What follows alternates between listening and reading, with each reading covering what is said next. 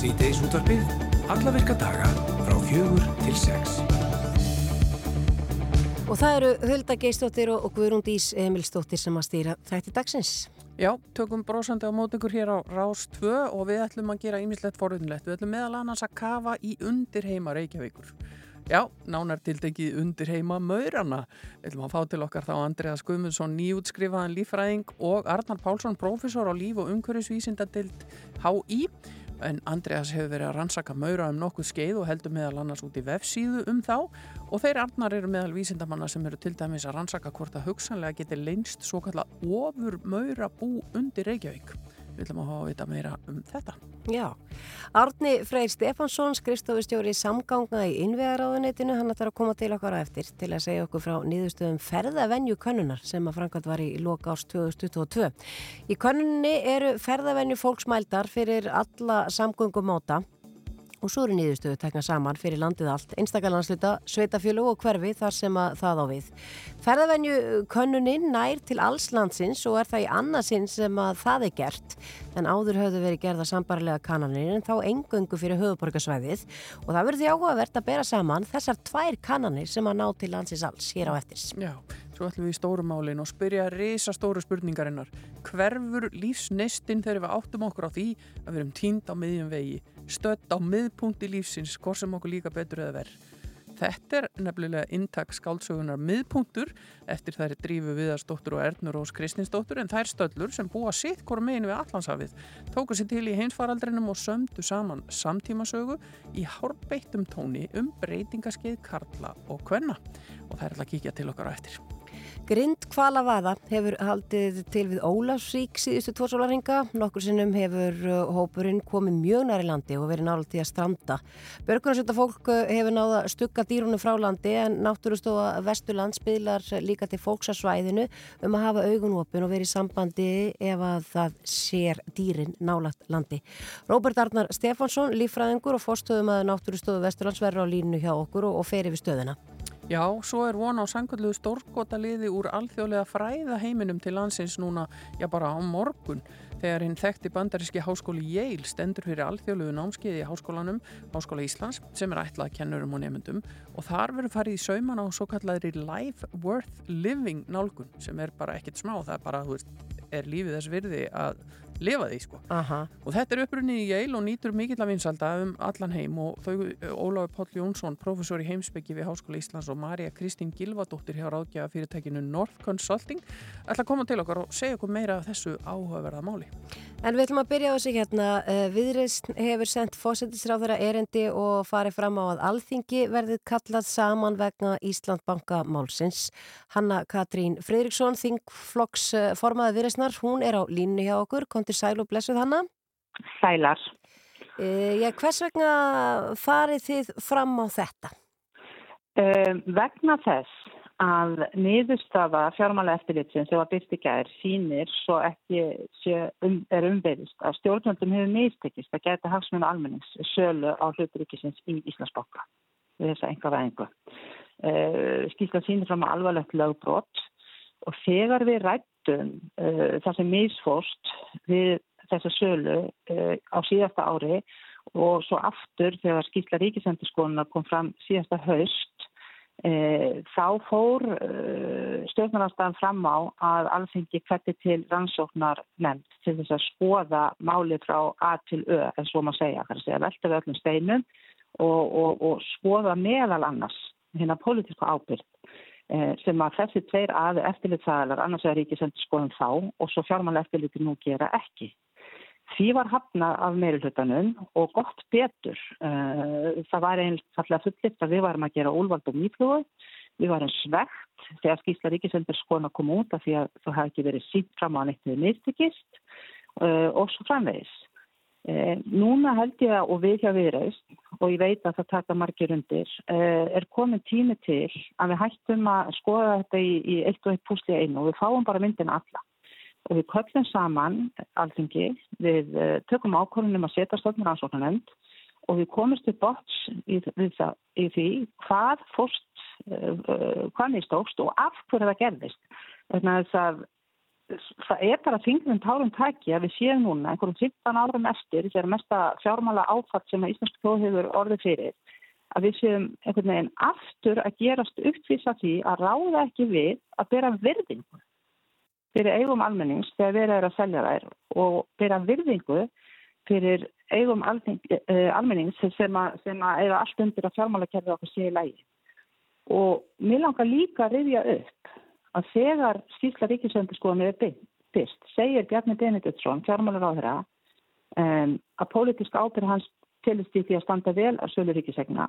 Hann byrja lagalega ábyrð á svo framkvæmt bakkasölunar en ekkert í skýrslu ríkisvöndaskoðanar sem var þá byrst sína að lög hafa verið brotið. Nú er bara uppi allt önnu mynd og ég trúi bara ekki öðru en það sé öllum, það sé allir sem vilji fá myndina alla og þetta púsl sem vantar með skipan rannsóknarnefndar um, að það sé eitthvað sem verður samþýtt núna. Mm.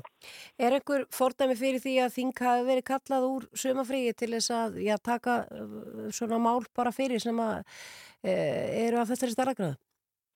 Það hafa, ég þekki nú ekki söguna nægilega vel, mannan ekki nægilega vel aftur en það hefur nú gætna verið svona kannski að einhverju leiti umfangsmeiri mál sem hafa orðið til þess að þing hafi komið saman.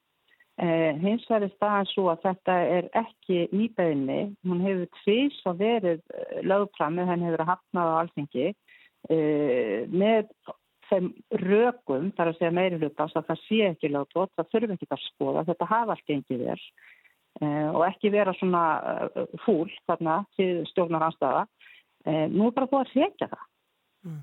Og ég held að vekarinn að býða haustsins, eh, þá sé bara gott að klára þetta mál núna, fá þessa nefnd í gang, eh, vinnun á stað og við getum þá með haustinu einhvern veginn klára þetta mál lestaði. Það heldur ekkit grín fyrir ríkisfjármálinn sem steyr hún ekki beisin fyrir eh, að vera núna í þeirri stöðu að það verður ekki farið frekar sölu ríkisegna þegar algjörlega likur fyrir að þessi ríkistjórn ræður ekki við verkefnið.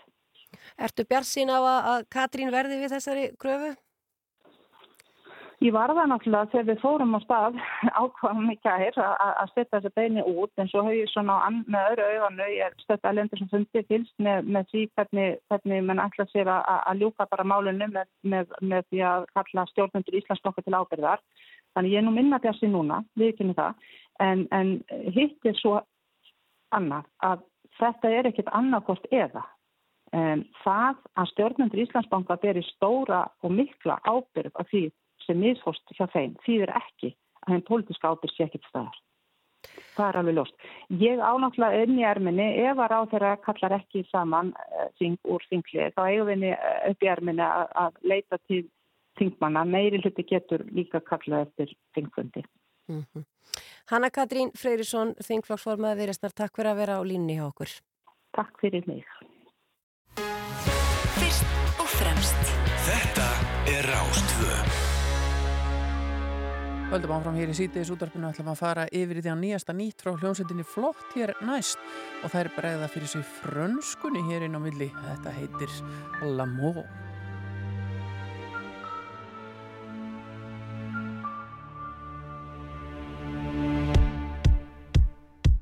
eins og hvert íslenskt par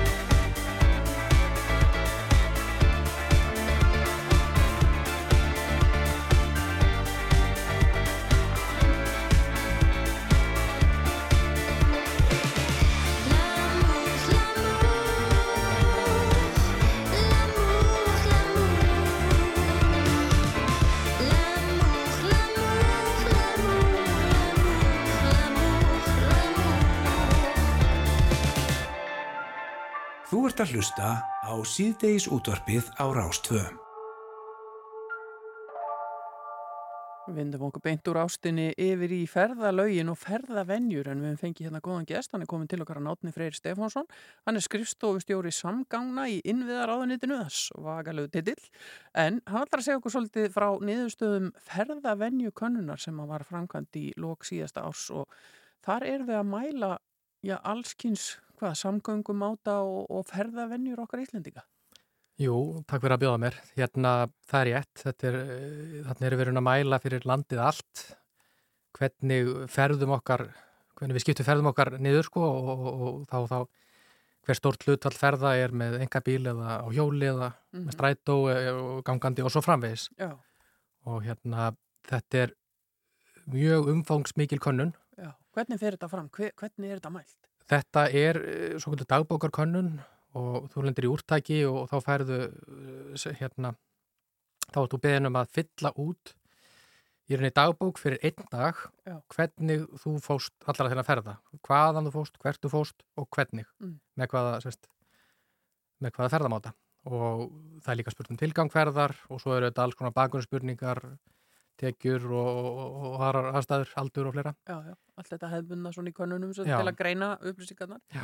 Og, og er eitthvað ábyrrandi þarna svona sem stendur upp úr með okkur íslendinga? Já, það er, þetta er náttúrulega, eins og, eins og ég kannski nefndi ykkur aðan, þetta er, þetta er ofbáðslega mikið að gögnum Já. og hérna maður svona vonar að hér, einhverjir öflugir ansækjandur einhverstað svona pikki þetta upp og, og fara að vinna þess nánar með þetta en, en, en hérna þetta er sérst í annað sinn sem við gerum þetta fyrir allandið allt. Mm. Það er búið að gera þetta á höfbókusvæðinu uh, í sex skipti. Það er fyrst 2002, svo 11, 14, 17 og svo 2019 síðast, þá var allandið allt og svona aftur í síðasta haust. Já. Og það sem að við erum að, að sáum núna í þessari könnun e, já, það var til dæmis það að, að, hérna, að ferðum landsmanna al, bara almennt séð virðist fækka, Já, bara heilt yfir. bara heilt yfir. Við hérna, höfðum í raunni sko, ni- allar þessar kannanir frá 2002 til 2017 höfðu, þá höfðu alltaf höfðu voru að fara svona um, um fjórar ferðir á dag, svona cirka bát. Já. flestir, þess að það var meðaltalið og, og, og 2019 var niðurstaðan svipuð, það var 3,8 það var, eða kannski ekki það mikið breytinga að vera eitthvað að lesa mikið í það en, en nú var það 3,2 Já, sem er rosalega mikil minkun er þetta COVID? það, já, góð, bara gott þú spyrir, ég, sko COVID lítur að hafa einhver áhrif. Það er náttúrulega langst eh, það var rosalega mikil eh, hérna, það hefði mikil áhrif á samgöngu venjur allra landsmanna þegar að COVID var, við vorum heima við tilengum okkur Teams og, og svona fjarfundabúnað meira, þannig að kannski sjást eru, eru, eru margir að fara færri ferðir til þess að fara fundi, þeir taka fundina bara í, í tölvunni það er einhverjir sem að fara bara ekki í vinnuna þeir eru bara að vinna heima við spurðum með það nótabenni, það hefur ekki verið spurt áður Já. um það vil helmingur landsmanna á kosta því að vinna í fjárvinnu að hluta að öllu leiti og um það vil helmingur þeirra sem eiga að kosta því kýs að vera að minnst okkur einn dag heima í viku Já, þannig þetta lítur að vera daldi gott fyrir umhverfið. Þetta, já, það bara gefur að skilja. Þetta er, er rauninni, já, ef við, ef við erum að ferðast minna og þá vantarlega kemur það út í því að það verður eitthvað minni losun og, og hérna tala um þessar, þessar fundaferðir og eitthvað slíkt, sko. Eh, Þannig að, að já, heilt yfir, þá, þá væri þetta jákvætt og, og hefur verið nefnt sem er eitt, eitt af því sem þyrft að gerast hérna í, í, til, til, til langar framtíðar Mm. svo við náum okkar markmiðum í kólefnis losun eða samdrætti í því. Það, Já. fyrir utan bara uh, orkuskipti og slíkt sko. En, en varðandi ferðavenjurnar af því að nú eru þið, já, eru við engung að nota enga bílinn eða eru við orðin dugleiri að hjóla eða nýta okkur einhvern veginn almenni samgöngur líka með árunum? Já, sko það er hérna, það er ekki jafn drastískar breytingar í þeim.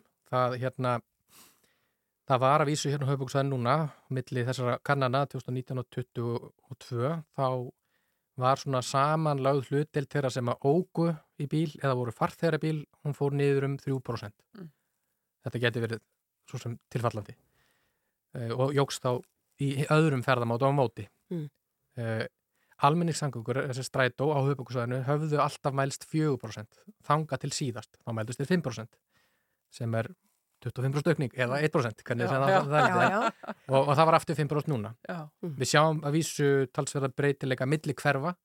Þetta er notabenni, maður þarf þetta að skoða þessar, þessar tölur og það eru skýslur á, á, á, á hérna, vefsvæði á hérna, kannurinnar mhm. fyrir í rauninni flestöld hverfi, borgarhluta og sveitafriðina á höfbruksvæðinu fyrir þetta landslutana Já. þannig að, að, Þannig að já, það er hægt að fletta því það bara upp að þessir kannski fólk í gráðvæginum notar kannski meira enga bíl heldur en kannski einhver þá í, já, hvað hlýðunum, kannski ganga þeir meira, getur maður miðbænum. séð þetta allt. Það er að sjá þetta allt og, og, og hérna, það er nú eitt, eitt svona, svona samanbörður sem að hérna uh, ég sést meðal annars á þessu svæði hérna, tóku við saman allar þessar kannanir og horfðum á það sem kallast virkir samgöngum á þar, það sé að ganga á hjól og, og eftir hverfum að þá eru þessi hverfi sem eru hérna, segja, hérna megin elliðána, eldri hverfi Reykjavíkur og Seltjarnes að þar hefur rauninni allan þennan tíma hefur svona hægt og rólega verið svona aukning Já. svona eh, ekki alveg alltaf en, en þú veist að við sjáum svona trend það er fyrir hjó- að nota hjól. að nota hjólið að ganga Já. en fyrir utan allavega og, og, og nýr nákvæmlega setja fyrir laun hérna í Garðabæ og Hafnarferði og Mósusbæ og Breitholti og Grái, þar stendur þetta í stað þetta er mjög áhugaverða niðurstur og lítur að vera eitthvað sem að skipur á sig veld og fleiri svona velta fyrir sér, af hverju er, er svona mikil aukning hér Mhm. en ekki þarna, þetta er við búum alltaf sama svæði þannig séð þó að því séu þetta eitthvað aðstöðumunur. Mhm. En það er uh, kannski hægt að, skoða þetta einhvern veginn og hann í til dæmis aukningu á hjólastígum og annars líkt er, er, er eitthvað samanbyrður.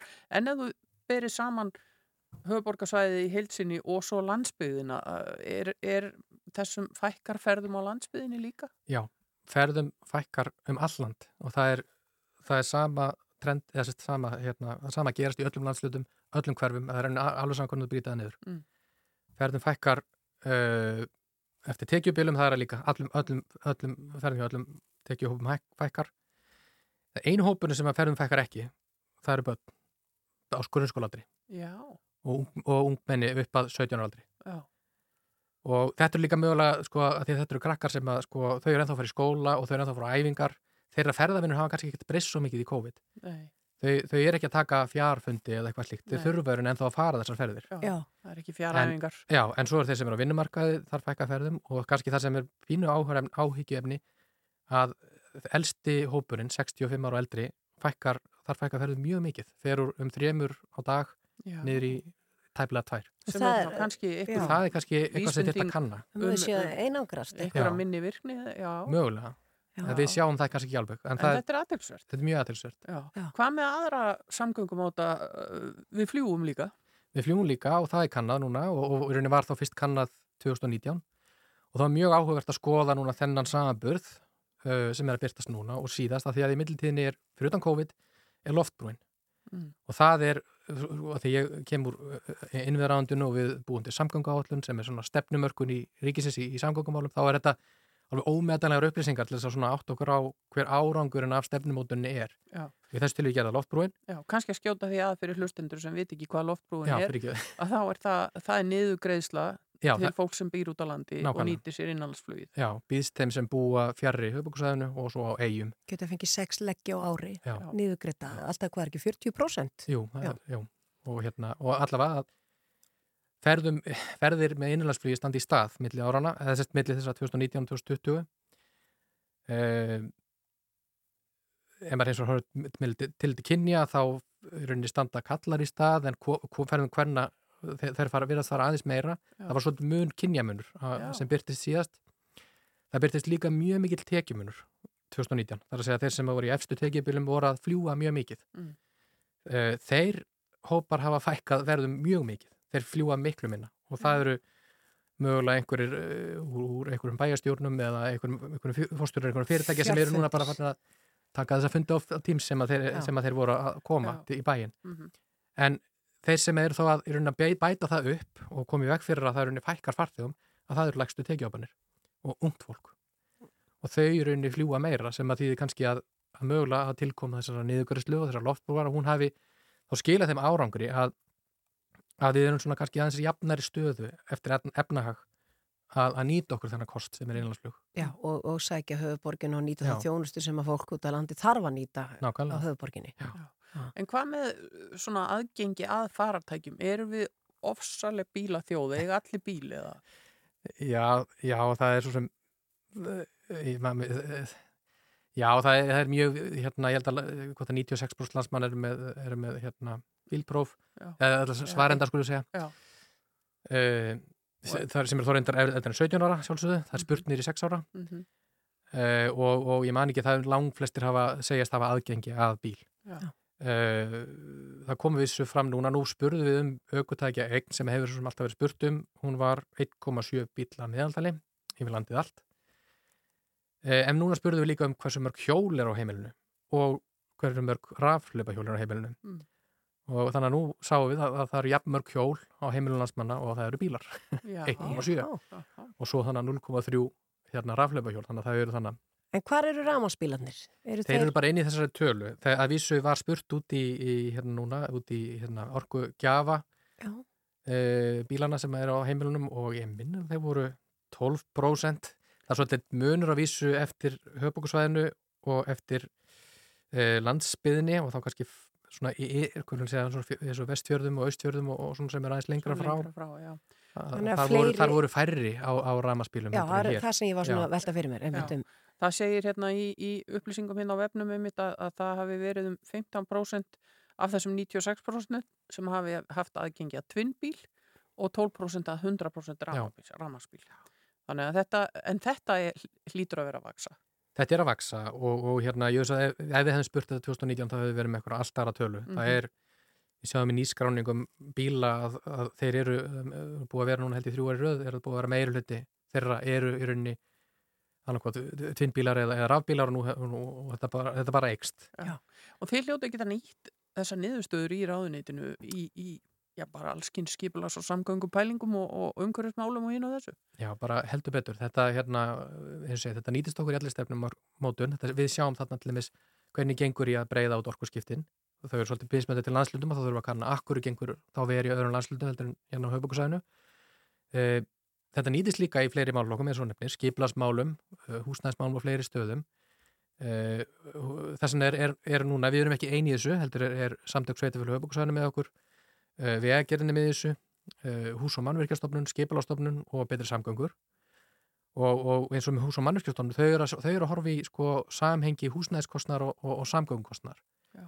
og, og hérna og meðan að skipalastofnun er, er, er líka bara að horfa á alls konar skipalastengta hluti eins og það sé nefndaðan með virka faramáta uh, uh, og hver- hvernig skipulag er kannski mögulega áhrifaþáttur í, í ferðavennjum og, og hvert við viljum ná En þeir, eins og þú segir, þetta var gerð síðast 2019, núna 2022, hvenar þið hljótið að halda áfram að gera svona er það ekki? Já, ég ger ráð fyrir því. Það er við í rauninni eh, stendum að því að, að þetta er gert á þryggjára fresti eins og það hefði kannski verið lengst af og, og hérna, ég held að það sé ágætt þá fær maður svona smá tíma til, við hlutum til þess að þróast inn á milli. Mhm. Það eru margir að horfa á þessar tölur uh, í bara hvernig gengur. Uh, þetta hefur lengi verið notað sérst hlutall almenningssangarn á höfubókusöðinu, var lengi, er ennþá notað sem árangusmæli hverði í eblingu almenningssangarna. Þar er s- s- s- hérna í svæðiskipula í höfubókusöðis er stemt að því að hlutelt almenningssangna verði 12% fyrir 2040. Þannig þið sjá það að við erum að fara úr 4 við 5 og það er, það er talsið vinna framundan, framundan í því efni. Já, við erum að smóka okkur, upp hana. Já, Þetta er mjög áhugavert allt saman og eins og, eins og Hulda sagði þá er þetta að skoða þetta allt saman inn á vefnu líka. Uh, Átni Freyr Stefansson, skristofustjóri samganga einveður ánundinu. Takk fyrir að koma til okkar og gefa okkur aðeins uh, innsýn í þetta. takk hjá Já, mjög forvitnilegt og uh, algjörlega við hæfi að henda sér í Little Red Corvette með prins hérna í beinu framaldi. Já. Þá er séu nú fáar korvetturnar á vegum úti á Íslandi, en lægi er gott.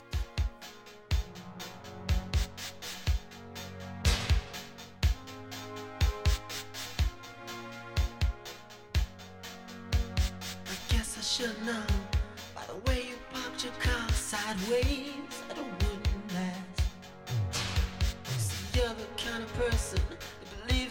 making out once, love 'em and leave 'em fast. I guess I must be dumb. She a pocket full of horses, Trojan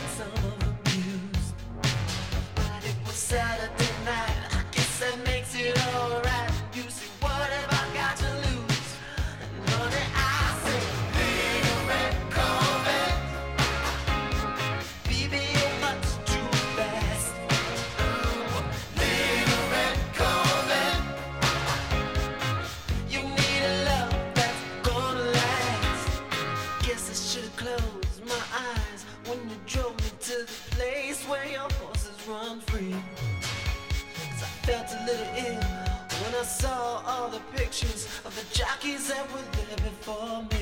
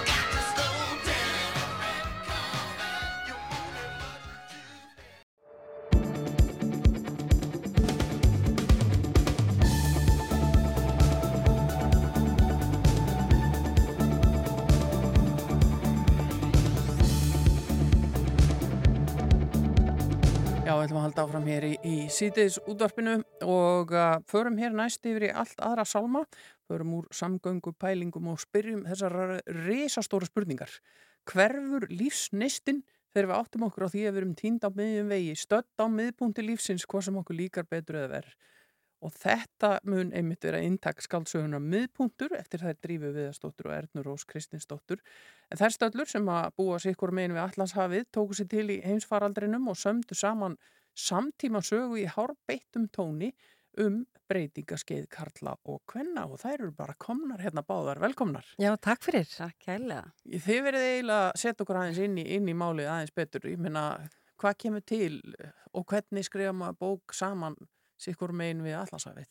Já, þetta er svolítið skemmtileg spurning. Um, þið munum eftir COVID. Jú, jú. Hundleðilegu tími og við erum náttúrulega búin að vera vinkonir í yfir 40 ár. Þekkjum hvora aðra inn og út og náttúrulega samtil okkar á milli Seattle og Íslands voru ofta tíðum, vorum að reyna að tala um eitthvað annað en COVID Já. og þá er þetta svona að byrja bara svona, svona góðlátlegt grín bara af okkur og okkar samferða fólki gegnum tíðina, hún var að spyrja frétta og svona og okkur fannst þetta svolítið svona sniðut allt saman og þannig eiginlega varð hugmyndin til því það er svo ótal marga skemmtilegar og fyndna sögur til af fólki sem eru bara að díla við það að eldast og, og börnir eru farin að heiman og hvað tekur þá við og annað og þannig var það eiginlega sagan til. Nákvæmlega. Og við sérst byrjum bara í rauninni verið, já, byrjum bara á einhverju dagskæli og einn byrjaði bara að skrifa og svo vaknaði einn daginn eftir og, og las og, og bara þetta er heldur gott og ég held áfram þannig við, þetta er eiginlega ein rödd basically í gegnum alla söguna. En samt sem áður tvær rattir, við ákveðum að skrifa þetta út frá, þetta er hjón, Gull og Bjarni Mm. Og þau eru um 53 ára. Já, góður aldur. Og já, já, bara, við þekkjum það vel og við skrifum í rauninni, já, þetta var eiginlega þannig, við þurftum aldrei að leiða þetta hjá hver annari því að við þekkjum hver aðra inn og út og þa- þannig flætti þetta bara í einu samfélgtum texta dag og nótt í svona kannski fjóra mánuði streitt en með hljöfum en við höfum mismunandi rött, við höfum kallmannin og við höfum kvennmannin. Þannig að eru, að að þetta er oft sko mismunandi sjónarhorn á sama hlutnum, þú veist, við erum konur og menn, en það er aldrei það sama sem okkur finnst, skiljiði, það er oft Já. áreikstrar, grátbrósli. Og eru það byggið þetta þá svolítið svona kannski bara á eins og þau voru að tala um, þau voru að spyrja frétta og þá voru að segja kannski að þessu vina fólki ykkur eða svona svona svona, þannig að byggja þetta kannski á aðeins á einhverjum personum í ykkar lífi eða? Já, við, þú veist, ég held að allavega mjög margir sem muni lesa þessa bók munu spyrja okkur, er þetta ég? Er, er þetta þið? Er þetta þú? Já, er þetta þið? En Hvor í hvað? Þannig að við, svona, við, við höfum alveg vonað þeirri spurningu en bókin er ekki um okkur Nei. og ekki um okkar líf en hún er eiginlega bara svona, ég segi, hún er snerti punktu bara við mjög marga. Já. Og ég held að allir kannist við eitthvað úr þessari bók. En það sem að við eh, kom fram hérna í ingangnum hjá okkur, það er þetta orð breytingaskeið, Mhm. karla og kvenna. Mm Breytingaskeið kvenna hefur bara allt í einu risið upp bara í umræðinni, Mhm. eitthvað sem aldrei var rætt og bara sveita kettlingar og eitthvað svona. Uh, nú er þetta bara orðið stórt mál og mikið rætt og, Mhm. og, og, og svona önnur nálgun orðið á heilbreyðisviðinu, Mhm. en breytingaskeið karla kannski minni í umræðinni. Mhm. Já. Það er einmitt sem okkur þótt svo merkilegt sko. Ég meina, Mhm. ég var einmitt hérna, í bandaríkjunum og það er þetta bara tabu. Það er bara, það talar enginn um og það er mjög mikið svona á því svæði sem ég er, og ég er ekki alveg að hafa um bandaríkjun, en í því svæði sem ég er, það er miklir aldursfordumar og, og það er, þú ræður ekki aldur. Og hvað þá breytingarskeið, það fyrir alltaf enginn á það, hvorki konin ég kallar og okkur þótti þetta líka sko mjög bara frábært bara búin að fylgjast með hérna hvað er að gerast hérna heima og hvað er mikil umræða og, bara, og jákvæð líka, þetta er ekkert allt búið. Mhm. og hérna, og það, en kallar hafa svolítið glemst, þannig að við svolítið tókum, Bjarni er bara okkar kall Já, hann er sögunni rödd. og hann er rödd kallmanna svona, eins og við sjáum hann hann svolítið gleymist og týnist og skilur ekki og, og hérna Mhm. er hann átt að sjá lífinu líka Það er nefnilega mikilvægt sko að það komi líka fram að kallmenn ganga líka í gegnum breytingaskeið. Já. Og það er aldrei talað um það, ég hef allan ekki mikið séð það, en það er ímslega sem þeir verða fyrir sko. Mhm. Og það kemur í ljósi bókinni. Já, það er meira að tala um að þeir lendi í einhverju krísu heldur en nokkuð tíman að þeir fari ekki eitthvað með eitthvað Já, breytingaskeið. það er oft talað um gráa fyrringin og þú veist, kaupa gráa pórsin og allt þetta, en það er svo margt annað andlegt, það er, þeir verða litlir í sér og, og það er svona, já, það er svona ímislegt sem kemur. Já. og svona einhver leið og þá kannski farið á, einmitt, farið á nýja Mhm. slóðir og Mhm. það, þú veist, verða það er alltaf óöryggir miklu meir en uppskilnaður og- konur já. til dæmis við, erum búin að, við lesum mjög mikið um allan skapaðan hluti og við erum búin að lesa mjög mikið um breytingaskeið þó við séum ekki fræðingar í þessu en við höfum bara allstað rekist á það að kallmenn verða svona minni í sér verða óöryggir Mm. grátkjarnir, sömur, viðkvæmir miklu viðkvæmari já, Og þetta... já það slært högg bara Já, já, ég meina- bara svona, já. já. En, Nei, en, en er svo sjaldan talað um já, já, Já, já. En er, er, er eitthvað svör í þessari bók? Þetta er auðvitað skálsaga, en, en getur hún hjálpað okkur sem erum á þessum aldri?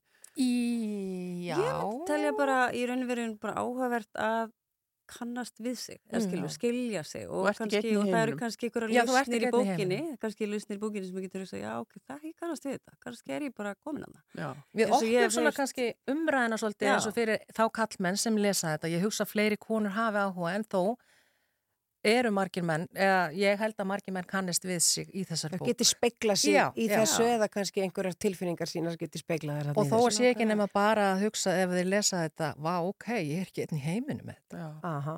Nei, þetta er, þetta er, þetta er flúkið og ég held að, já, ég held að við svona, og segir, bara í- hvort við sem er lausnina, alls ekki, Nei, nei, en þetta er meira svona er gráðbroslegt líka. þetta er sannsöguleg er- þetta er, ætti að vera svona pínu skemmtilegt að, að hérna hafa Mhm. svolítið gaman að þessu öll saman. En var ekkert mála að gefa út heila bók? Ég meina, uh, bara, Það- þið gefið þetta út sjálfar eða? Já, Það var aldrei ætlun eiginlega að gefa út bók, þetta var eiginlega bara okkar samtal, eiginlega svona á Af því við Við- já, sko. fengum, við fengum bara leiða og ræðum eitthvað Já, leiðilegt og hérna og bara, þú veist, þannig að þetta var eiginlega bara til þess að þetta var samtali okkar, þannig Mm. að við, þú veist, þegar hún ringir í mig þá er ég bara í, í hérna kaffibólanum mótnana og ég er að bara fara að sofa. Seattle og Sko. hún er að fara að sofa og bara þá erum við að fara yfir kaplan okkar og, og, En og sko, samtölin. Til að svara þessu með að gefa út sjálfar, jú, við reyndum við nokkur útgöðu fyrirtæki, en það er svolítið frumskóður eins og tónlistamenn kannski kannast við. Mm. Þannig að við bara hugsaðum, herðu, við getum þetta. Við eigum pening fyrir þessu, let's do it. Já. Og svo bara er að hafa á morgun Nú, og það er ímislegt þar sem að verður skemmtilegt. Það eru hérna tveir af geirfuglunum alltaf að koma og stíga á stokk. Já. Hvað kallaði þessi? Og lesa. Og lesa. Þeir ætla að vera bjarni og við Já. ætlum að vera gulla. Já. Og þeir Vonandi- kalla sig, hvað, tve, geirfuglar og... Tveir- geirfuglar og annar í fríi. Þeir kom Já. bara tveir úr... já, já, sko. já, já. Hefðu náttúrulega getað stíði alla leiðin í hlutverki og komið fram sem grátgjörnum geirfuglanir. Já, Gæti verið, Já. gæti verið. Og er þetta útgáfuhóf, er það öllum opið? já, eða? Já. Þetta er á skor, þessum fræga bar sem er mikið búið yfir í Já, umræðinni. hann er mjög umdildur. Mjög meðaldra fólk kvartar yfir þessum bar. Já, mjög. Já. Þannig að við ætlum að hafa það þar og það eru leta veitingur og svona. En svo kannski vilt þú koma einu að hérna með hérna, þýðing, þýðinguna. Já, við náttúrulega erum bara út af því að þetta er hérna, ekki eins algengt í bandaríkjunum og þá hef ég verið að segja vinnum mínum frá þessu úti og Já. það bara vilja allir fá þýðingu á bókinni Mhm. þannig að við stefnum á það að rýna þýðana yfir hansku og Þá bara fara með þetta á Bara alla leið, alþjóðamarkað. alla leið. Já. Það er alltaf leið, mér líst vel á þetta hjá okkur. Bókin heitir Miðpunktur Mhm. og uh, segir hér í undir fyrirsögn merkilegt hvað lífið líður rætt eftir ferdugt. Ó, Ég held að við getum nú alveg tekið undir þetta. Ég hlakka til að lesa og vil svo hefnilega til að ein maður minn heitir Bjarni. Verður fengið til að renna í gegnum þetta. en uh, gaman að fá okkur hérna til okkar Drífa Viðarsdóttir og Erna Rós Guðmundsdóttir og til hafingi með bókina. Takk fyrir. Takk kærlega fyrir.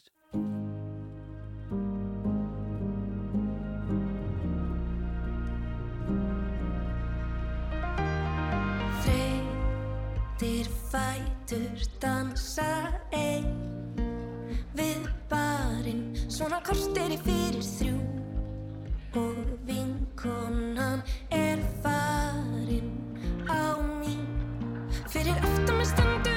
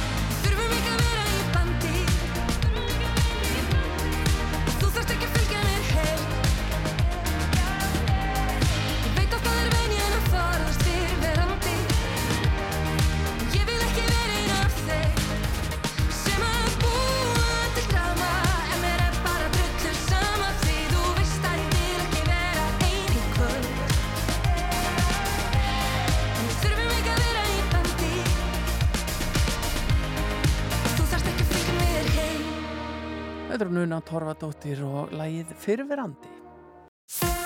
Þetta er Rástvö. Fyrst og fremst. Með þér. Veðurhorfur næsta sólaringin. Þá ætlum við að líta eins til veðurs. Það er norðaustan og austan 8-15 13 og allviða regning en 15 til 23 metrar eh, siðist á landinu fram á kvöld og híti veru 9 til 18 stig.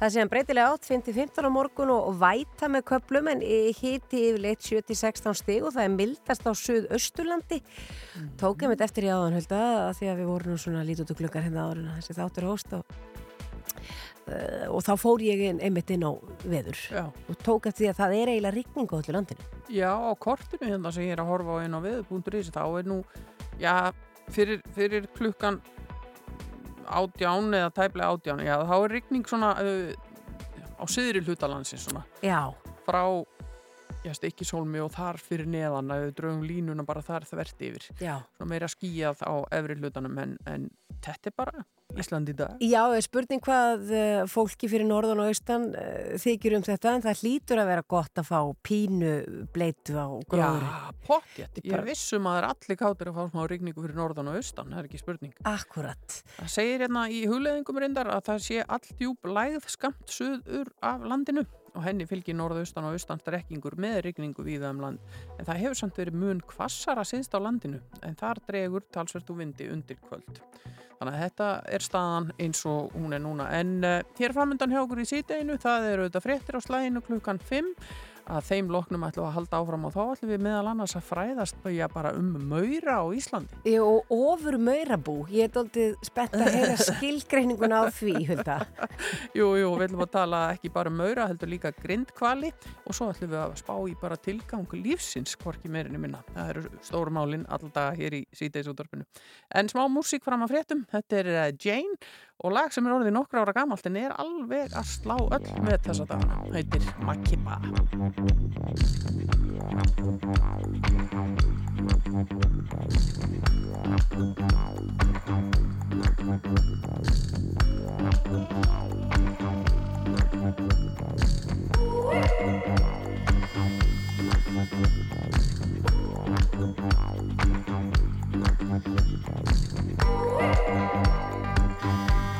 For you.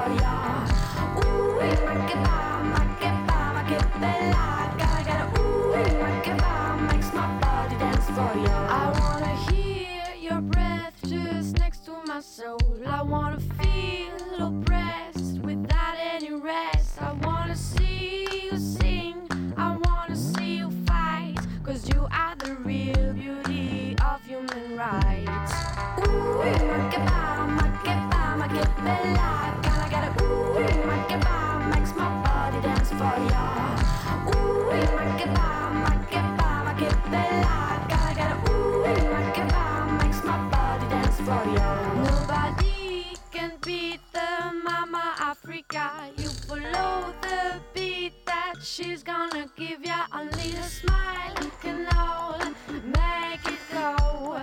The separation of a thousand more. Ooh, makeba, makeba, makebella. Gotta get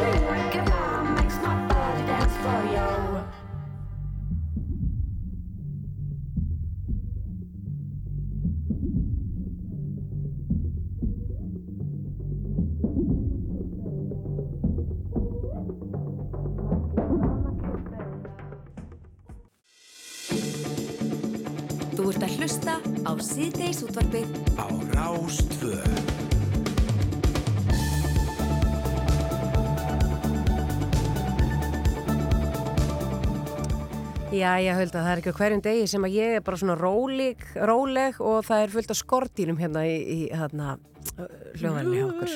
Ég er ekkit alveg svona róleg. Hér hjá okkur eru sko komnir, ég veit ekki hversu margi gestir, það eru ótal margi gestir mættir hérna. Já. Það eru tveir hérna í mannsmynd sem eru sestir hjá okkur. Uh, já, vísindamenn, lífræðingar og, og, og maura sérfræðingar meðal annars.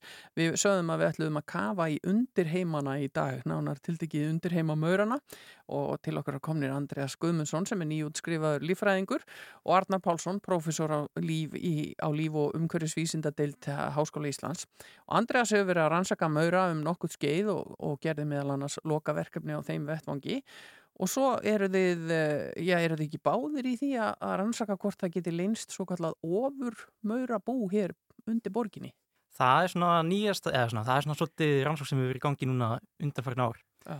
og það er mjög spennandi viðfangsefni vegna þess að við teljum að maurar séu nokkuð nýlega komnir til landsins, sérstaklega í höfuborginni Já. og það sem á til að gerast við það, við svona landnám er að ef eitt bú til landsins þá getur það að fjölga sér og ef að mörg bú uh, myndast úr einu búi þá eru þau náttúrulega skild, þá er þetta eins og ein stór ætt og ef þessi bú drefa sér svo yfir stórt svæði þá er þetta eins og ein stór ætt sem er búin að taka yfir heilt svæði og ef allir eru skildir inn í þessari ætt þá lítar á sig sem eina stóra fjölskyldu Ein maura mafja. Já, Akkurat. þetta er mjög merkilegt. og það er svona, eru hugmyndir um að svona maura mafja gæti leynst undir Reykjavík Já. Sko fyrir mér ljómar þetta bara eins og handrita vísindaskálsögu. Ofur maura bú undir borginni. Þetta er bara rosalegu thriller sko. En, en þetta er ekkit eitthvað svona sem að við sem búum í borginni þurfum að óttast. Það fari ekki að flæða maurar upp úr niðurföllunum. um, mest, það þarf ekki að hræðast mikið Nei, það er svo Sko, smá svipur á þess það er svona það er, þetta er alltaf alls ekki hættulegt Nei. það er mikilvægt að muna það en það sem getur gerst er að sem sagt eins og flestar aðra mörgtendur er flestar allar þá fjölga búin sér með því að vangjar drottningar drefi sér á nýsvæði Já. og þetta gera þessir húsamörur líka að drottningarnar sem sagt sem búa þá inn í húsum reyna að fljúa út til að stofna nýbú Mhm. en að þetta er innandýra þá auðvitað komast þeir ekki langt og festast þá í gluggum eða undir ljósakrunum eða Já. og þetta getur valdið óþægindum, bara hafa lítil skortir fljúandi og hlaupandi út um allt en þetta er að mestu skadalist. Hvenar, ég verð bara að byrja á þessu, hvena komu maurar hinga til lands? Já, hérna Erling Ólafsson og Sigur Ríkter skrifu grein eh, 1985 og lístu húsamörnum fyrstir og það er, þetta er enna maurategund sem að er, eh, maður sér þetta ekkert á yfirborði að þetta er alltaf ofan í jarðvegi Mm. og í okkar tilfelli þá í hérna, húsagrunnum eða meðfram leiðslum eða inn í veggjum eða eitthvað svo leiðis Já. og þannig að það er líklegast að þetta komið þá miðbygg síðustu aldar og síðan kannski fara að dreifa sér eins og Andreas var að lýsa. Og þetta, er þetta fyrir ekki, er þetta þó maurarnir sem að jafnvel er að koma upp úr niðurföllum eða eitthvað leys ef það eru gamla lagnir undir húsinu sem er einhvern veginn fattar að bresta? Já, og fólk sér þetta oft bara þegar þarf að taka lagnirnar þá afhjúpast eitthvað svona lagað og þetta er kannski 80, 85% af tilfellum sem finnast en síðan eru aðra tegundir af maurum. Hérna, það eru semst, geta einhverjar tegundir sem að, hérna, geta borið með sér síkla en það er líklega bara ein tegund. Síðan eru eldmaurar sem Andreas og Marco Mancini fundu fyrir tveimur sumrum sem eru þá Bita og, og Valda Ama Já. þannig að hérna, kannski skilabóðan sem við viljum senda eru þau að við viljum endilega vita af öllum maura tilfellum sem að fólk sér Já. menn að það líklegast þetta séu húsamaurar og hérna, meinlausir en við viljum vita af þeim einhvað síður svo við getum hjálpa fólki að, hérna, að, að skilgrana það og uppræta eða beina til hérna, meindireiði sem með þarf Þannig að þetta er algjör minnskilningur hjá manni að það sé ekki maurur á Íslandi eins og maður er haldið fram áratugum saman. Já, það mætti segja það sko. Það er náttúrulega í bænum alveg mjög mikið af búum. Ég held að Náttúrfjárstofn Íslands hafi fundið fleiri en 500 jafnvel. Já. En þetta er ekki bara bænum vegna þess að við höfum líka fundið þetta á einstaka hverasvæðum um allandið. Þannig að þetta er alveg voðalega drift bæði í manngjör umhverfi og líka í náttúrunni. En Þeir, þeir, þeir eru harðir af sér það ekki og, en ég meina, nú eru við líka að ferðast mikið meir og ef maður fer bara til heitra landa það er náttúrulega eru maurar út um allt og passar ekki bara matiðin og svona. Mhm. Er þetta ekkert að slaðast einhvern til hans bara með okkur? Það var skemmtilegt tilvikirna bara fyrir einhverjum einu mánuði að solis þar sem vinið minn úr líffræðinni hafði samband við mig og hann hafði sett er nýkominn frá útlöndum og finnur einhverja nokkar maura inni hjá sér Mm. Og þá er það bara langt líkast að þessi maura hafi bara komið beint upp úr ferðartöskunni. Já. Þú, maður vill það ekki. Ég veit eru vinnum mér Ég held að Andreas vilji alveg fá alls konar maura Það til að mætti segja það rannsaka. sko. Ef þetta eru vinnumaurar. Já, akkurat, sko, búið náttúrulega er búið til úr eh, 99% vinnumörum og svo kannski 1% drotning. Já. Og þessi vinnumörar, það geta ekki fjölga sér sjálfur. Þannig að ef að svona vinnumörar koma upp úr töskunni, þá gera þeir ekki neitt. Já, þá bara deyja þeir kalla greiðin og, og svo, já. En ef drotning kemur upp úr, þá getur hún stopna bú.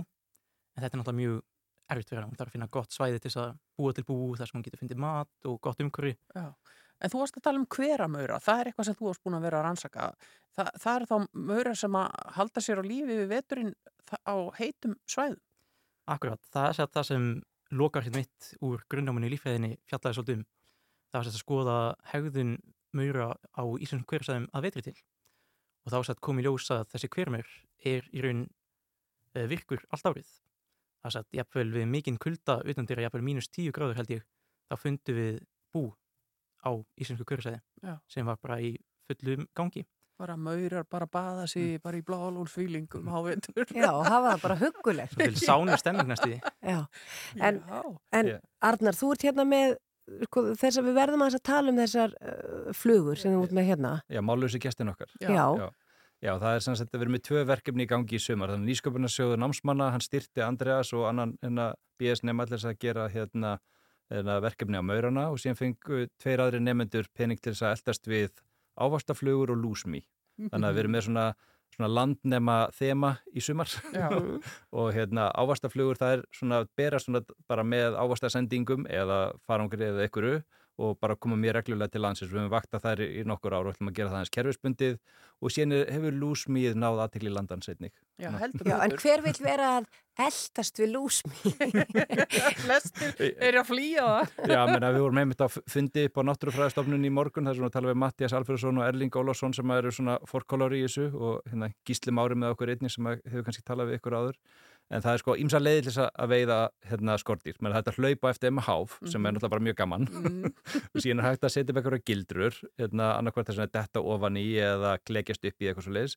Og síðan var var að hvetja okkur til þess að gera hérna sagt, að að beita mannfólki. Það er þetta sem þetta... Þú ert beitan í dag.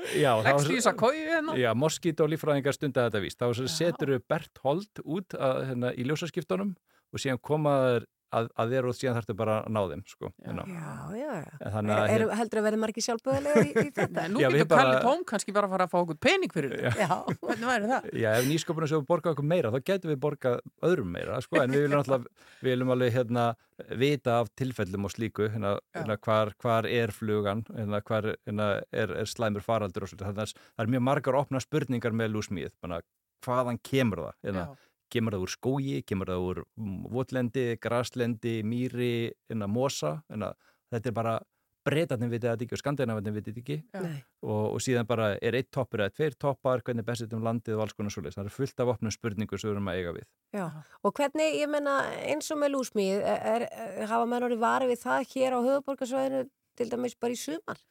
Já, það er svona, þetta er svona daldið erfitt að því að fólk er ekkert kurt á það, því að fólk fer yfirleitt og það er sérst, út um land og það er yfirleitt bitið eitthvað staðar þar og síðan er eitthvað með bit í, á höfuborgarsvæðinu, við vitum ekki alveg hvort það hefur verið bitnir á höfuborgarsvæðinu eða hvað og síðan er þetta líka bitið sjálft ekki segir ekki mjög mikið. Það, er, það þurfum eiginlega að hafa fluguna í hendi, pingu litla flugu, undir smá sjá til þess að geta virkilega sagt að þetta sé þessi tiltekna tegund hérna lúsmí sem að býtur okkur. Þannig því í rauninni vitið þið þá ekki hvort að það sé komið um allt land eða hvort þetta sé að því maður heyri mikið uppspreytir ánæsíslu og maður heyri hérna grímsnesið og okkur svona. Jú, jú, það er svona, náttúrulega náttúrufræðastofnun er kannski með puttan sem besta púlsinu þar að það koma tilfelli til þeirra en það er, dreifingi lítir eitthvað neginn svona út, Suðurland, enna Kjós, Vesturland ekkert á vestfjörðum að þau vita er eitthvað norður, kjarnaskóur, alveg bara mökkur, Mm. fljótslíð og síðan er komið eitthvað aðeins austur, en það er svona eiginlega nýjustu tíðindin. Já. Og eru þið að, að, að rannsaka þessa dreifingu bara á einhvern veginn að ná utanum þetta allt saman? Já, það er svona, það eru margar spurningar bara, hvenær komum fyrst, en að af hverju sprakk hún út 2015-16, en að hvernig berst hún um landið, en að úr hvaða búsvæði kýs hún sér til þess að fjölga sér, hvar verpir hún, ég meina, en að það er auðvitað að sjá hvar fuglarnir verpa, en að mjög auðvitað að sjá hvar flugunar verpa. hérna. En, Og- en eins og þú ert með hérna, eða þið, með þessar flugur, strákar, Já. þið sögðu hérna við okkur þetta að vera ávastaflugur. Ég hef alltaf haldið að ávastaflugur væri einhvern veginn allt öðruvísi. Þessar eru mjög vel Þetta eru bara bústnar. mjög pattarlega flugur. Ég tók náttúrulega stærst og flottustu fluguna með fyrir ykkur. Já, einmitt þegar þú réttu mér þetta orðin séu, sérðu hvað eru fallega. Ég sé það ekki alveg. En henni. Já, en þetta eru þessar ávastaflugur sem þá eh, berast með gremmiti eða ávöxtum og svo það er erfitt að losna við þetta, er það ekki heiman frá sér að þú farið þetta í húsið þitt? Já, þetta er svona, þetta er svona tiltörulega einfalt. Ávastaflugnar eru mjög, mjög meinlausar. Meina, það, er ber, það er engar pestir með þeim eða bítikið eða neitt svo leiðis. Nei. En það er, hérna, eru eiginlega rótflugur, þannig að ef þú gleymir banana undir ískáp, þá munir þar fyllan af púpum. Og, Undir þú- ískáp? Já. Hvernig gengur þú um heimi á því? þetta er litla, litla líkur á Ja, meina, það, það er alveg dæmi um það að banana gleymist á stöðum og Já, eitthvað svona. jú, jú, algjörlega. Já. Þú getur eiginlega rakið það eftir flugunum. Já, og það er náttúrulega, þetta er, þetta, þetta er svona dæmi um landnema sem er berst á hverju einasta ári Mm. bara og, og náttúrulega hann nær sér upp yfir sumarið, þannig að það var frétt fyrir einu eða tveimur ára þar sem það var virkilega góður vöxtur í þessu á, í borgarlandinu, en síðan náttúrulega sjatnar þetta yfir veturinn. Þannig að við erum svona bara aðeins að, klukka sko hvaða tegundir er að koma inn, við notum svona DNA aðferð fyrir það og hérna vita hvað eru svona heitu reytirnir í þessu og, og gruna það að það er náttúrulega grammetis uh, herbergi stórmarkaða Mm. að, og síðan hefur maður heyrt um kvikmyndahús og bari og svona sikvað það sem að ímislegt svona Kvikmyndahús? já, m- mólasi í hérna hérna, Kókinu? kókinu. Já. Ef það er ekki þrifin og vel þá getur það komið upp þar Þetta er mjög áhugavert. Andreas, ég verði að spurja það þegar þú varst að útskjöfast sem líffræðingur, kom aldrei neitt annað til greina heldur en að fara að rannsaka maura og, og, og hvernig kviknaði þessi áhugiðin?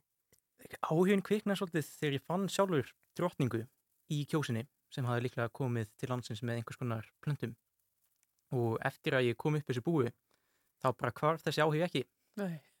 og náttúrulega bara um leiðum að frétti af þessu verkefni sem hann Marko Mancini stopnaði í háskólanum við það að skoða maur á Íslandi þá náttúrulega bara vissi ég strax að þetta var eitthvað sem ég mjög- myndi mjög mikið langt þess að gera líka. Þú ert þinn íslenski andmann, eins og ykkur getur sagt.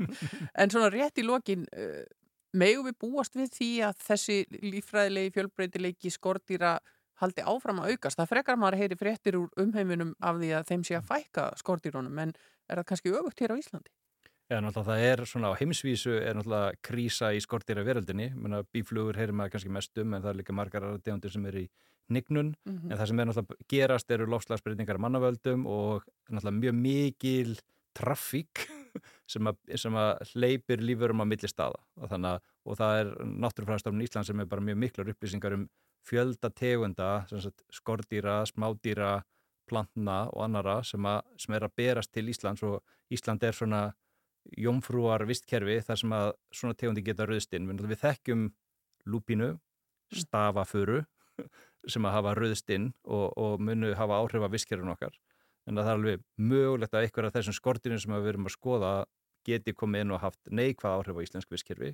Þannig að þessana, það er svona undirliggjandi þá þemað í þessu svona fjölbyrdileika rannsókum okkar. Já. Artar, tekur þessa flugu bara með þér heim núna eða hvað hva ætlar að gera fyrir það? þess að búa í ösku á háskólasvæðinu sko, en Já. ég er með gildur heima, ég er að býða eftir að koma nýjar flugur hérna. Já, og talandi um það, ef að einhverju finna maura, því þið viljið fá uh, að vita uh, af því hvert á fólk að leita. Það er hægt að finna okkur að við erum með vefsíðu sem er maurar.hi.is en síðan erum við líka með á Instagram á íslenskir uh, bílmaurar þannig að það er hægt að finna okkur víða, jafnvel Facebook líka. Ég er að fara beint í að elda þig á Instagram. Þetta er aðeins svo spennandi, sko. Takk jálega fyrir að koma við hjá okkur strákar. Andreas Guðmundsson, nýjutskrifaður lífræðingur og Arnar Pálsson, profesor og fari yfir þetta með okkur og takk hérna dúlluflugur fyrir að koma með líka. við verðum að sjálfsögðu enda þetta spjallaði að heyri Adamant, annað væri ekki við hæfi. Nei. Þetta heitir Goody Two Shoes.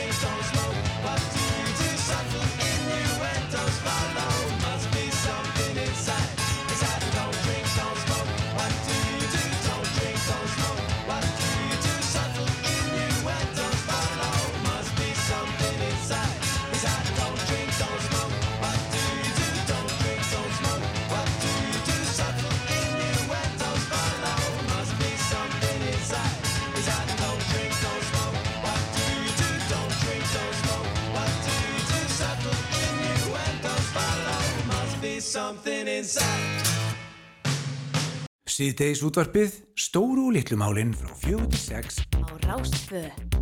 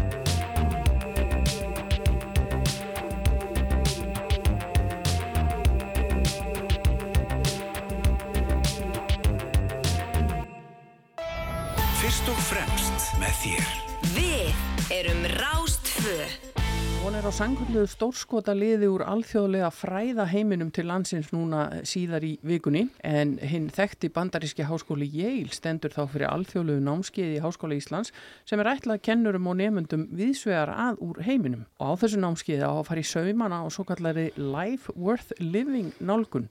Þetta er fyrirbæri sem er upprunnið í Yale og nýtur gríðarlega vinselda viða um heiminn.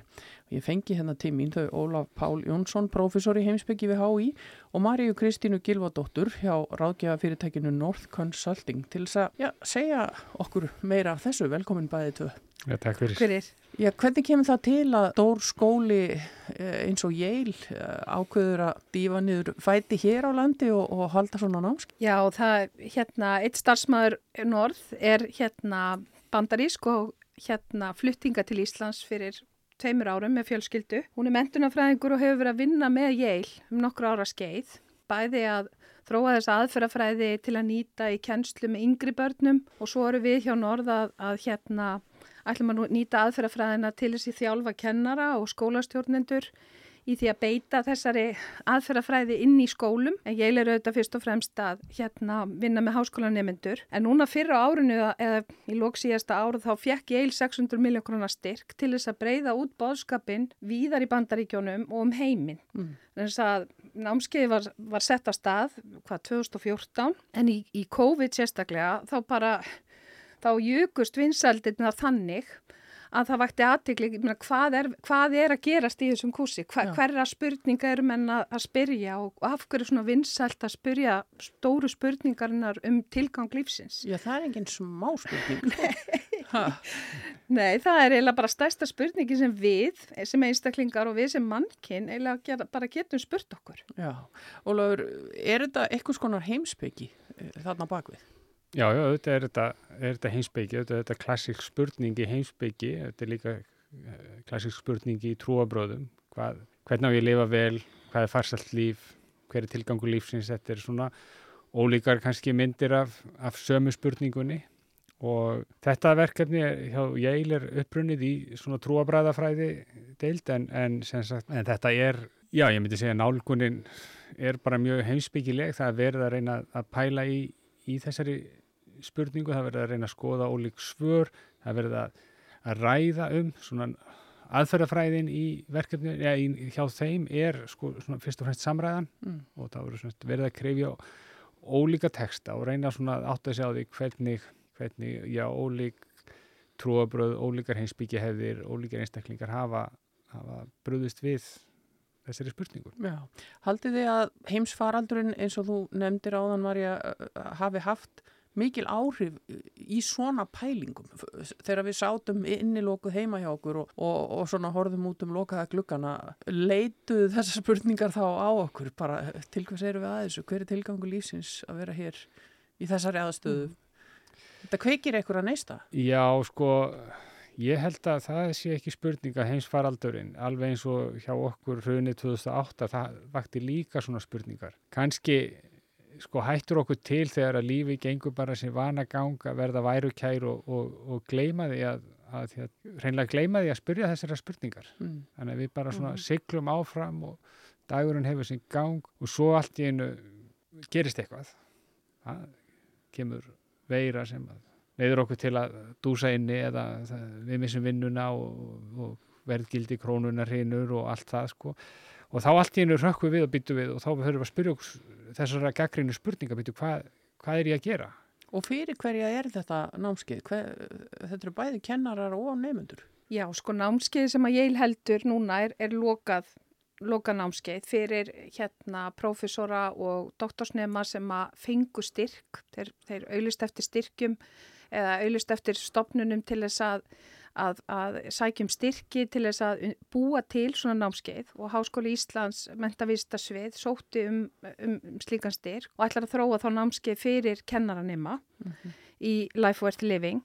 En síðan í framhaldinu eru við í samstarfi Norð og HÍ að, að, að þjálfa skólastjórnendur og kennara í, að, í þessara aðferðafræði í þeim tilgangi að, að, beitin inn í, í, skólanum. Vegna þess að það, stóra spurningin og af hverju COVID skipti máli líka sko þeir draga fram í bókinni og í því, þegar þeir tala um life worth living að á marganhátt að þá göngum við gegnum lífið svona bara eins og við í svefni og hérna við erum að elda eitthvað að drauma en svo vitum við ekki alveg af, akkurat þegar kannski við draumarnir uppfyllast af hverju við erum að elda þessa drauma Mm. og er bara að benda okkur á að við erum miklu meira alltaf að hugsa um leiðina að einhverju marki og, og leiðin verður stundum að markmiðinu eða tilgangunum. Mm. Í staðin fyrir að líta tilbaka og hugsa, ok, hver er tilgangurinn? Er þetta raunverulega draumurinn sem að ég á að vera elda, að mér langar til að elda og svo er líka ofslega mikilvægt og það, er, það snart mig kannski mest er að sko þeir spyrja þessar spurningar eða svona grundvallar spurningin er hvers konar líf er sambóði mennskunni og við erum mennsk og, og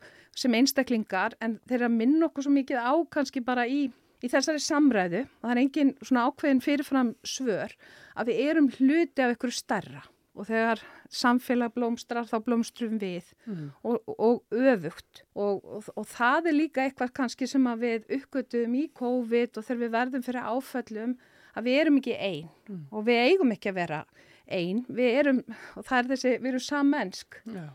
En Ólafur, heldur að já, heimspekin hafi gengið í eitthvað skonar endurníum lífdaga líka í gegnum hennan faralduru? Finnið þið fyrir auknum áhuga ungs fólks til dæmis á heimspeki?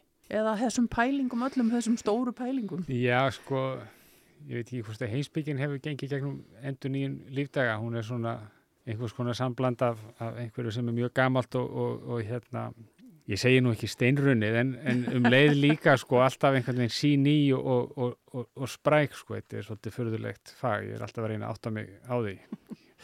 En, en auðvitað sko þegar, einmitt eins og segjum, þegar við verðum fyrir einhverju áfalli, þá, þá förum við að spurja okkur spurningar sem við höfum ekki verið að spyrja okkur um, spyrja Mhm. okkur áður. Og, og eins og þeir nefna þarna og Marja var að taka fram sko, þá er þessi spurning um svona hvers konar, hvers konar líf er sambóðið því að vera manneskja. Það er, er náttúrulega spurning sem við neytumst til að spyrja okkur í, í faraldrinu. Já. Við þurftum, það voru bara, fólk stóð oft frammi fyrir mjög erfið, erfiðri reynslu. Það var bara að missa ástfinni sína og gæti ekki verið hjá þeim eða fengi fjölskylduna saman og svo framvegis og þá, þá auðvitað vakna þessa spurningabítu við hva, hver er ég og, og, og þá finnum við líka þegar, þegar við getum ekki verið með vini og, og ástfinni nálagt okkur þá, þá, þá finnum við hversu miklu máli þessi, svona, þessi mannlegu tengsl skipta og, og hversu mikilvægt er að rækta Mm. mennskuna. En það sjáum við gríðarlega breytingar í kjálfar COVID, til dæmis bara á atvinnumarkaði. Í bandaríkjónum eru sem dæmi einhverjar miljónir manna sem ekki á að snúið aftur til fyrir starfa. Fólk hefur flutt út í sveitir, kýsa fara ekki aftur í borginnar. Þannig að fólk, það fekk þarna ákveði tækifæri svona til að endur meta lífið og tilgang lífsins. Já, já, og það er eins og þeir benda líka á í bókinni. Það er, er ekkit endilega svona, hvað við segja, það er ekkit endilega svona ljúf aðgerð, getur maður sagt það. Nei. Það getur verið bara sásökafullt að, Mhm. að endur með þetta lífið og allt í einu kannski hugsa sem svo, já, það sem ég hef verið að gera fram með þessu bara skiptir ekki máli, það Nei. er bara einhver vitleysa. Já. Það getur verið sárt. Það, það en, en það er mikilvægt að, að fara í gegnum það og maður þarf hugsanlega hjálp til að fara í gegnum það er ekki gott að fara í gegnum þessar stóru spurningar bara einn Mm. og þess vegna er líka svo mikil áhersla í þessari bók að, að fara í samfélagi sko bæði með ef svo maður segja horfnum höfundum, bara gömlum heimsbyggingum góðurum, einhverjum sem að tilhera trúabröðum og svo framvegis, Mhm. en svo líka bara í samfélagi, svona einhvers konar samræðu samfélagi með öðrum. Já. En námskeiðið eins og þið nefnuð sem að er að byrja núna á morgun eða ekki, uh, það, það er lokað og búið að fylla það nú þegar en við Íslendinga getum það átt vona á því að út úr þessu komi einhvers konar kurs fyrir okkur sem að hefðum áhuga á að stúdera þetta. Skulum bara vona það að, að hérna, ekki veitur en næsta veitur verði komið námskeið á mentuvistasviði sem að það sem hægt er að einbytta sér að þessari, þessum spurningum Já, og svo næsta haust munum við strax auðlýsa eftir kennurum og skólastjórnundu til þess að, að fá samskona þjálfun og, og jælin með þessari viku hérna og til þess að miðla hérna nálgurinni áfram inn í, inn í grunnskóluna. Já. Þetta er spennandi og áhugavert. Takk fyrir að líta við hjá okkur í síðdeis útvarpinu Ólafur Páll Jónsson, professor í heimspeiki og Marja Kristín Gilvadóttir hjá ráðgjafa fyrirtækinu North Consulting. Takk fyrir. Síðdegis útvarpið. Málefni líðandi stundar. Frá fjögur til sex á Rás 2. Og því má kannski bæta við þetta spjall okkar hér að akkurat núna stendur yfir bókarkynning í Eymundsson í Östustræti þar sem er verið að fjalla um þetta, uh, þetta mál og uh, höfundar uh, bókarinnar Dr. Ryan McNally Linds og Dr. Matthew Kroosmun sem eru Yale professorar eru upphásmenn Life Worth Living nálgunarinnar og er að kynna þarna bókum sama málefni fyrir þau sem að getur verið forvindin um að taka smá forskot á sælun og lesa sér til.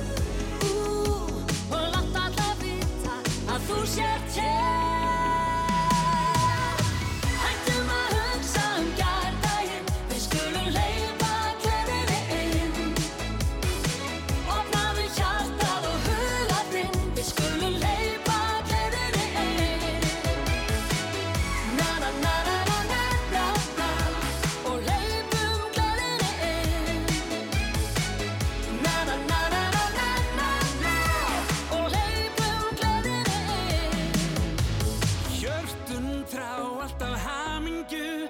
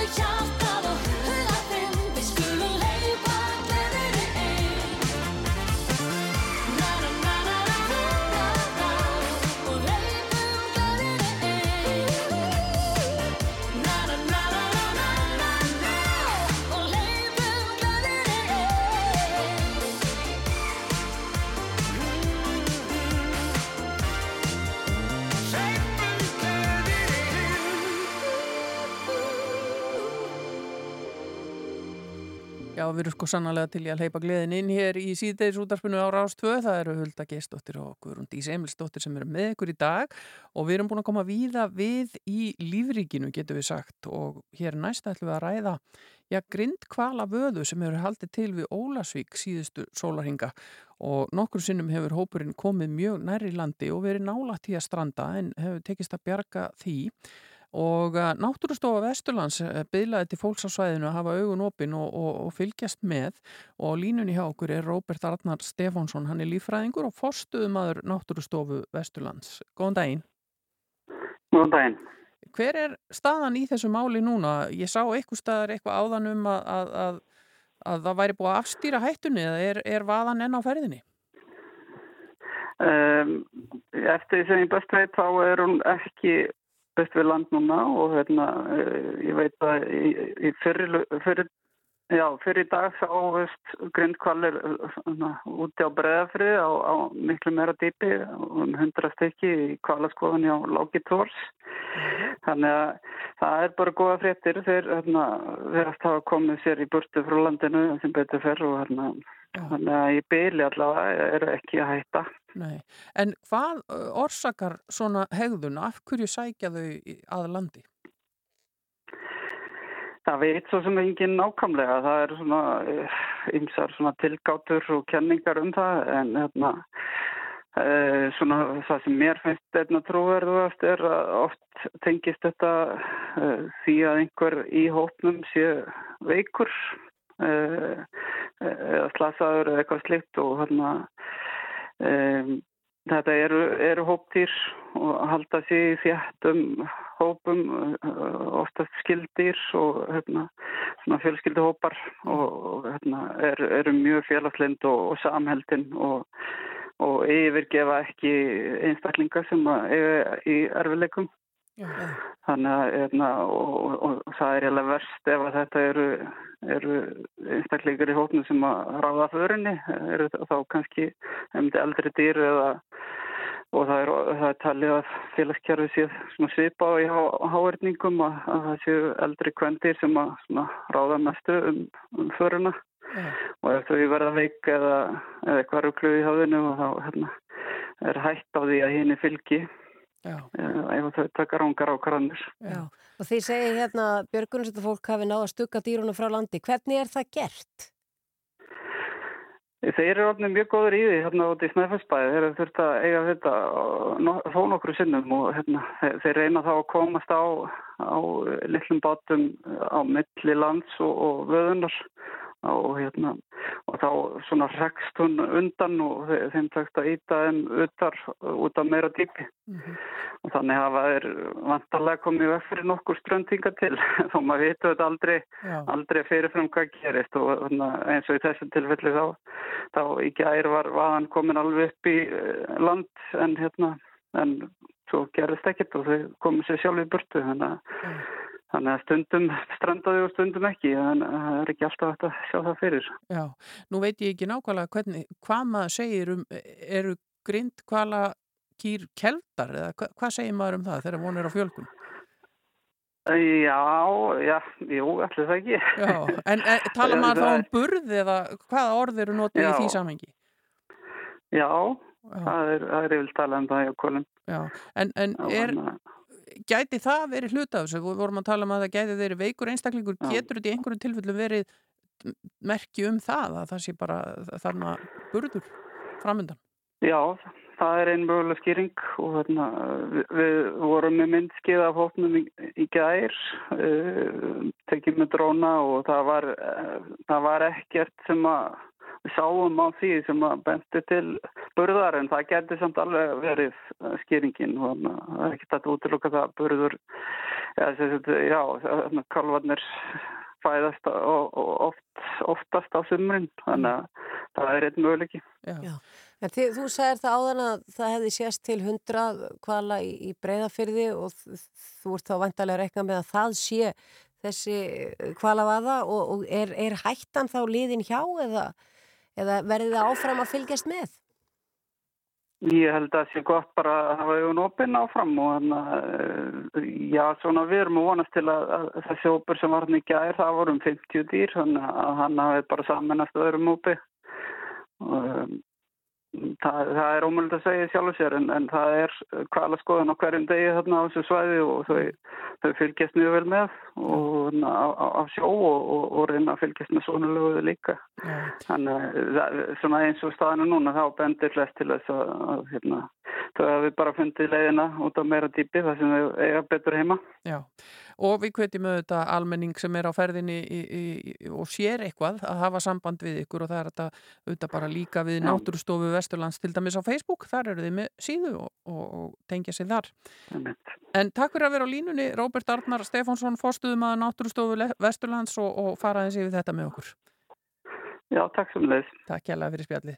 Já, þetta er mjög áhugavert en við eh, ætlum að henda okkur í smá músík, förum allar leið til Norex og heyrim mín í Sigrid sem að segir að Driver saved my night.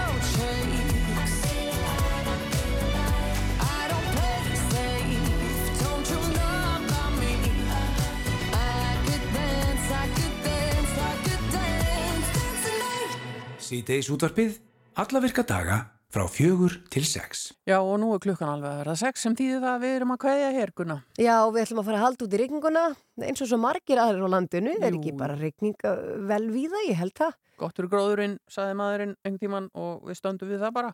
Endum þetta á Júniussi Meivant uh, hann ætlar að syngja hérna Color Decay og það á vel við því að uh, það er margir á leið til eiga Margir á leiðin og orkumótið. Já, það er svo leið Það er um helgin og við heyrum nú eitthvað af því. En við andri verðum hér á morgun og okkar tíma slæðin klukkan 4.05 Takk fyrir að hlusta í dag og hafið það sem best.